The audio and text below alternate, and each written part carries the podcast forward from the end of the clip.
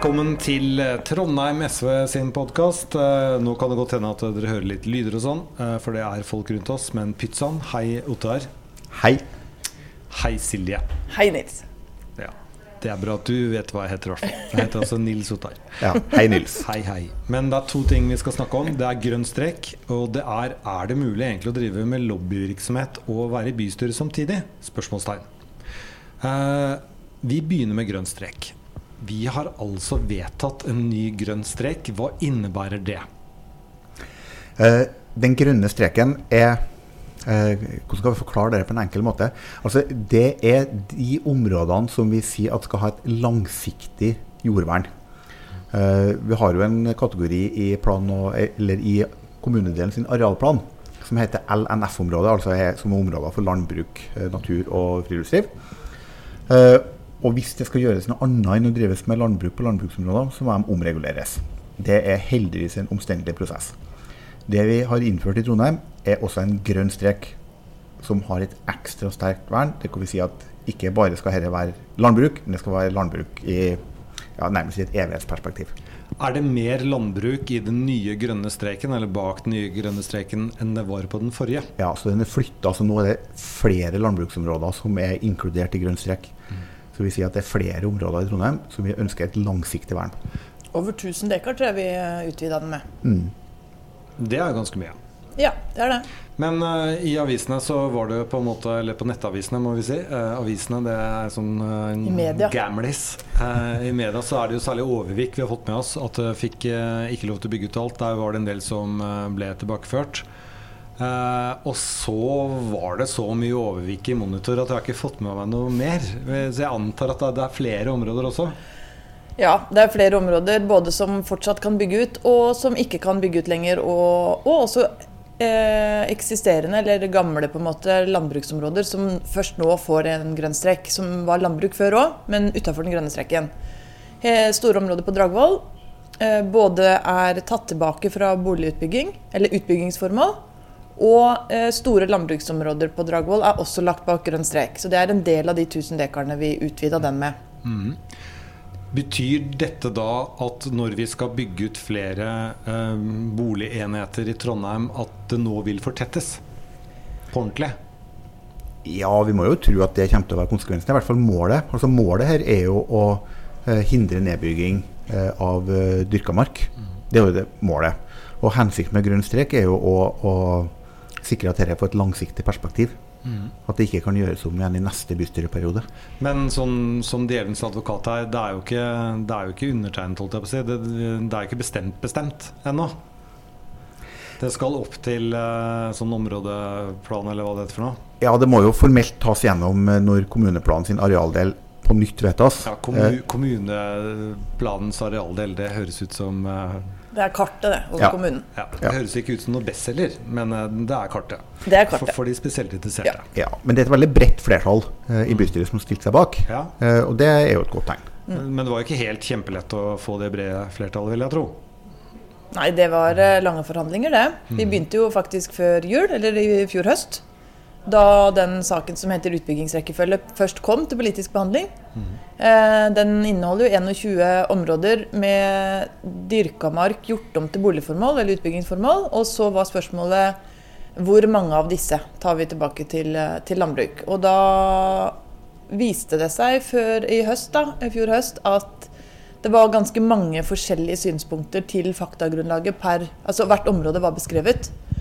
Og siden det varierte hvor godt det var beskrevet, så bestemte vi at vi skulle ha den ut på en høring og få innspill fra grunneiere og andre interesseorganisasjoner. Og det var veldig nyttig, fordi kommunedirektøren selv nyanserte sitt forslag etter den høringsperioden. Mm. Og når du spurte om det med om det boligbygging nå bare framover blir fortetting, så gjør det jo det ikke det. For det er dessverre ikke sånn at absolutt all eh, dyrka mark blir tilbakeregulert til dyrka mark. Og totalt så har vi 80 000 boliger i det som heter boligpotensial i Trondheim. Mm. 80 000 boliger, og det er vel fram til 2050, mm. tror jeg. Mm. Og 30 000 av de er i fortettingsområder. 16 000 av de er det vi diskuterte på dyrka mark. Mm. Men eh, altså hvis SV hadde Hvis bare folk hadde stemt på SV, så hadde vi jo tatt enda mer eh, jord tilbake til dyr dyrka mark. Så, så, dette er jo et sånn tegn på sånn realpolitikk. Altså at man, vi hadde jo medlemsmøte hvor, hvor mm. man søkte råd om hva mener dere og sånne ting. Og så får man et mandat, og så er det da den realpolitikken som gjør at man må spise et par kameler for å liksom komme frem til noe som er konsensus. da. Det er jo ja. sånn det virker. Ja. Er det, hvordan føler dere at den prosessen er? Den eh, prosessen er Altså for dere selv, altså? Ja.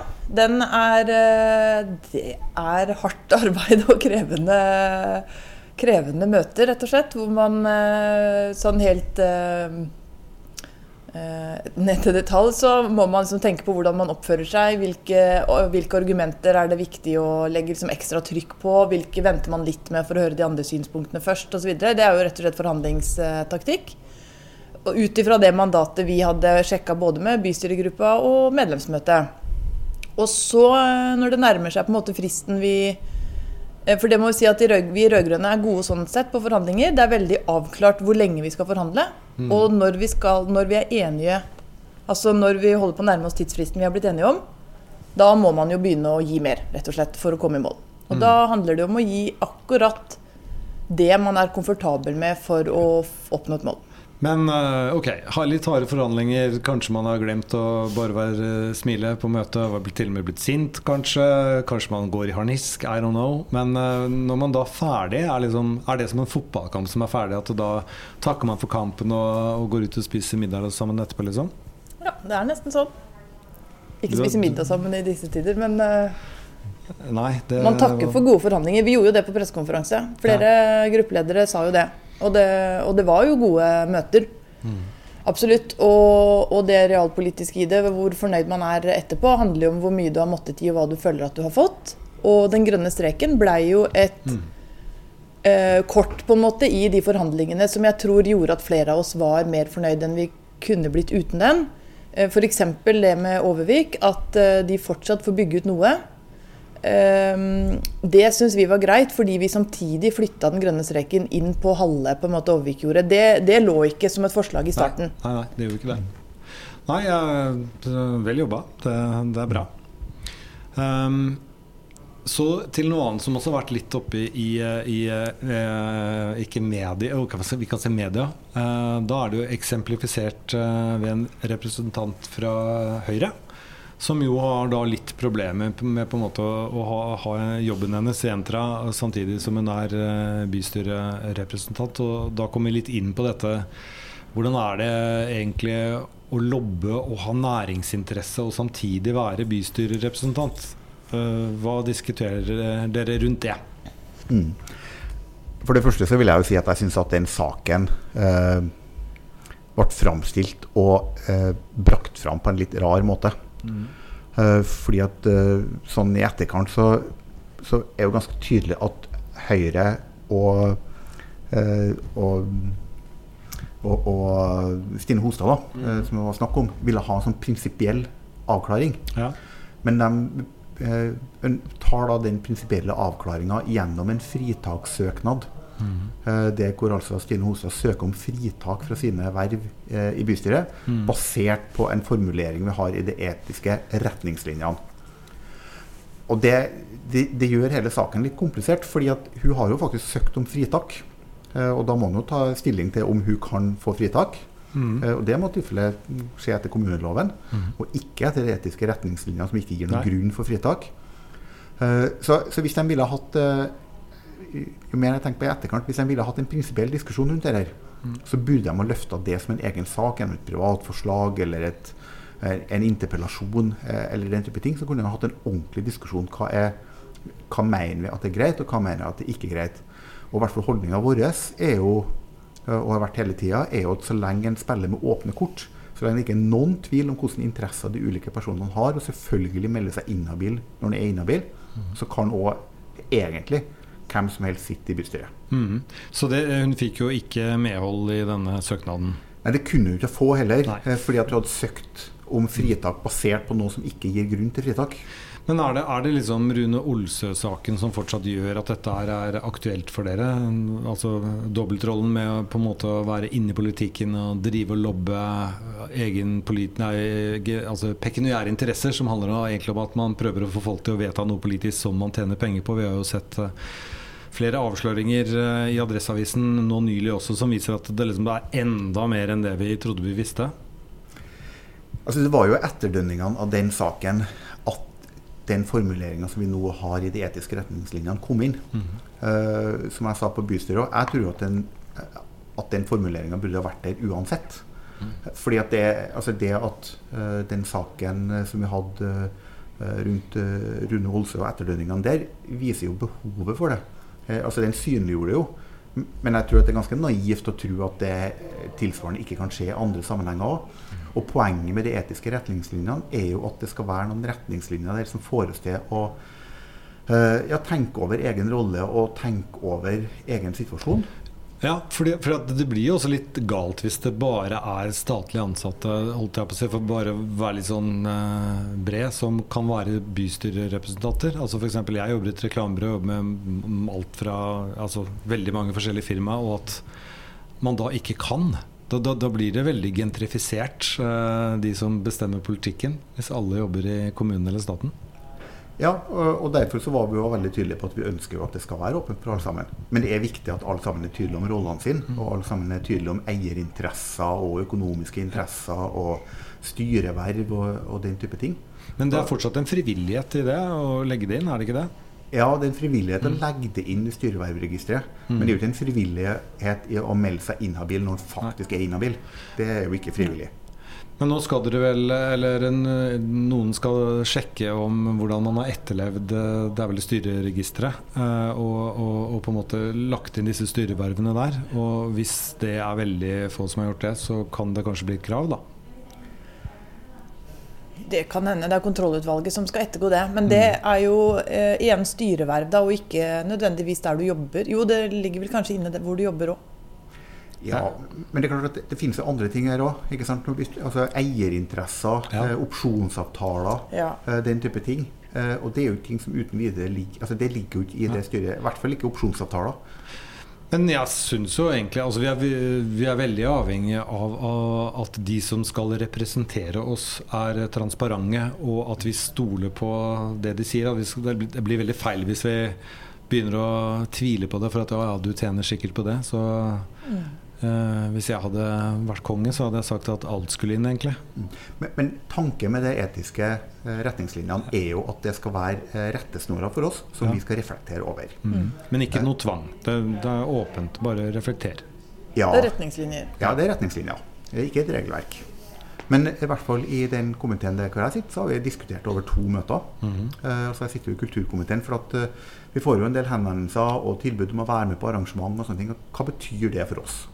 Og det er klart at Da går du gjennom det, og så har vi en diskusjon i komiteen hvordan oppfatter vi dette. Og nettopp derfor så tenker jeg at det er viktig å ha et punkt om det hvor folkevalgte driver med lobbyvirksomhet overfor andre folkevalgte. Mm. For Det betyr at det er et punkt på lista over det vi må prate om. Uh, og, det gir, og, det gir, oss muligheten til å tenke over og diskutere hva er greit, og hva er ikke greit. Og så vil nok ulike personer oppfatte litt ulikt. Eh, men det er nettopp da det kommer at det er så viktig at det er åpenhet rundt det, at vi vet hvem er det som sitter med hvilke interesser. Men ta oss ned i detaljene. Da Noen, altså, da har dere f.eks. Eh, diskutert om eh, er det greit å få gratisbilletter til den og den festivalen. Det, det håper jeg i og for seg er greit, men Ja, altså i komiteen min så har vi diskutert det. og konklusjonen vår er at det er greit, for det er viktig for oss å vite hva som foregår. Veldig viktig. Ja, og for å ta et helt konkret eksempel. Jeg fikk gratisbillett og var på Festningen. Jeg hadde nok ikke kjøpt meg billett på Festningen eh, og vært på Nei. Jeg er definitivt ikke målgruppa. Men, men, det å være der og se hvordan det fungerer, og hvordan området fungerer til en festival, mm. er nyttig å se. Det må være utrolig fascinerende å se hvordan et område funker sånn uh, for å klare å generere det de mener er 21 millioner i overskudd, som de vil at staten skal betale. det er, det er, jeg, jeg har lyst til å lære det, egentlig. det er vel en litt annen diskusjon. Men, det må være veldig mye god jobb da, ja. som skjer der. Nei, men, men, eh, men det, det, er ikke noe tvil om at vi mener at det er ok. Mm. Men det forutsetter jo at hele komiteen inviteres. Ok, Så det er en forutsetning? Jeg ville ha tenkt at det er veldig spesielt om en arrangør inviterer enkeltpersoner. Ja, enig. Uh, sånn at vi er ganske tydelige på at det betyr at det krever full åpenhet. Hvem er invitert på hva? Sånn at vi vet at her er det alle som er invitert. Ja, så Dere starter møtene med på en måte en slags selvangivelse. Dette har jeg blitt invitert til i siste tiden. Vi har i hvert fall sagt at vi skal ha som eget punkt rapportert rapportere tilbake på hva vi har vært med på, og hva som vi ja. foreslår. Mm. Ja, så Lurt. Vi reflekterte litt rundt det i dag, for jeg kommer rett fra komitémøtet. Og da hadde vi jo da den etiske refleksjonen, som vi skal ha to, minst to ganger per periode. Og kom også innom det temaet. Uh, og vi ja, Det er jo ikke noen konklusjon eller sånn fasitsvar, vi kommer ikke fram til det. Men uh, en tanke var jo at uh, der man inviteres til uh, festivaler f.eks. med VIP-område eller den festmiddagen eller ikke sant, det mer lukka arrangementet, da. Så er det kanskje ikke nødvendig for å vite hvordan kulturlivet fungerer, eller hva som er bra og dårlig, at man takker ja til den med alle godene hvert eneste år på den samme festivalen.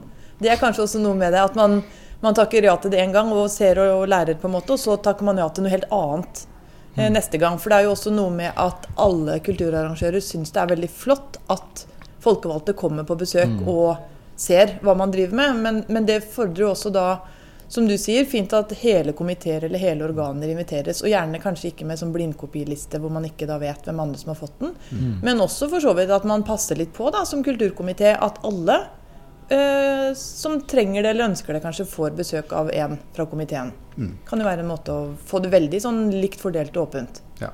Jeg har fått uh, spørsmål fra enkelte aktører hvem som bør inviteres. og da har jeg vært helt tydelig på at skal ikke invitere noen i komiteen, så inviterer hele komiteen. Mm. Eh, hvis ikke så er det veldig problematisk å si ja.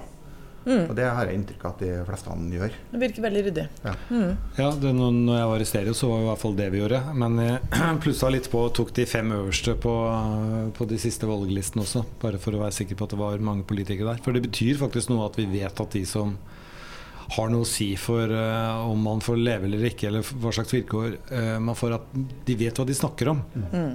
Så kan man jo diskutere hvor mange som faktisk var nede på festivalområdet, og hvor mange som faktisk bare så innsiden av Grenaderen, men det er også igjen en annen diskusjon. Ja.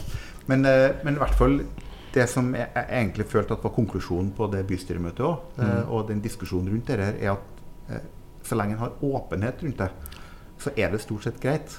Vi har jo bystyremedlemmer som er ledere av kulturinstitusjoner og som aldri oppfatter dette som et problem. Og jeg må si at jeg heller aldri oppfatter det som et problem, for du vet hvilken rolle mm. uh, vedkommende har når du snakker om den tematikken. Mm. Uh, og tilsvarende er det egentlig òg innenfor dem som er i, i næringslivet. Ja. snakker, med, snakker, med, dem som du vet har hvilken rolle de har, så er ikke det noe problem. Men det må være åpen rundt det, og det må være åpen rundt det om det er noen egne økonomiske interesser i det. Mm. Og Så kan man jo starte det møtet man trenger å ha da, på vegne av bedriften sin, med å bare presisere det. At jeg holder dette møtet ikke som folkevalgt, men som ansatt i eller leder for. Ja.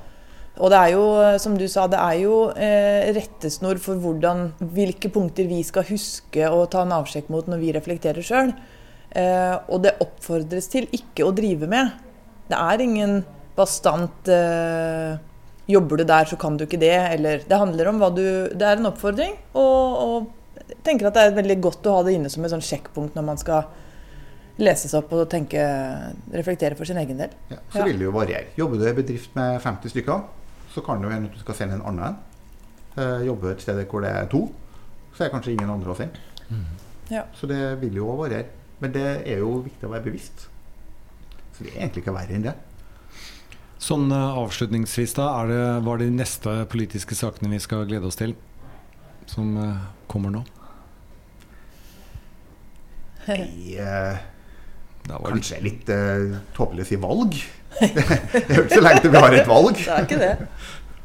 Nei, det har jo egentlig starta. Ja, ja, og det er jo viktig å være tidlig ut, skulle jeg til å si. vi vi, tenkt, vi, sier jo at I år så snakker vi ikke om en valgdato, vi snakker om en valgfrist. For at mm. Eh, sannsynligvis kommer over halvparten til å forhåndsstemme. Mm. Så det er jo viktig. Ja. Eh, og, og, vi ser jo også at en del politiske partier bruker helt andre virkemidler nå. F.eks. Venstre, som hadde en veldig sånn lang, fin lesesak av lederen sin i, i Adresseavisa. Altså den samme plassen som Equinor pleier å ha. Eh, som var godt laget. eh, Som for Guri Melby var uh, nydelig, egentlig. Så det, der begynner man å Nå har man steppet up. Og Men har man da kjøpt reklameplass i avisa? da har man kjøpt egentlig hele greia fra avisa. At de tar bildene, lager videoene, lager saken, eh, og så plasseringen. Oh, ja. Så i, i, ikke det billigste. Men som en sånn da cliffhanger så kan vi da si at eh, SV kommer også til å komme med noe som eh, ikke noen eh, norsk politisk parti har, Har gjort, gjort før, før i form av et videoformat. Så Oh. det kommer dere snart til å se. Mm. Men jeg må få lov til å, å skyte inn nå. Husk på at SV er Trondheims nest største parti i antall medlemmer. det må vi Så si. vi har eh, alle dere som hører på og er SV-ere, det er fryktelig viktig å prate med folk Mm. og snakke politikk. Dere er SV Army, akkurat ja, som Kiss sant. Army. Liksom. Det er SV Army. Så vi har en ny linje nå med olajakker og noen fine batikkting som vi har bak på Nei, ikke noe buttons, det tar så lang tid. Nei, men, Vi har eh, SV-pinn, da. vi Vi får vel tak i noen av de til Nei, vi, har, vi, vi er jo da eh, Ja, vi er store. Og større skal vi bli. Og godt valg. Og så høres vi snart igjen. Ha det bra. Det gjør. Ha det. Ha det bra.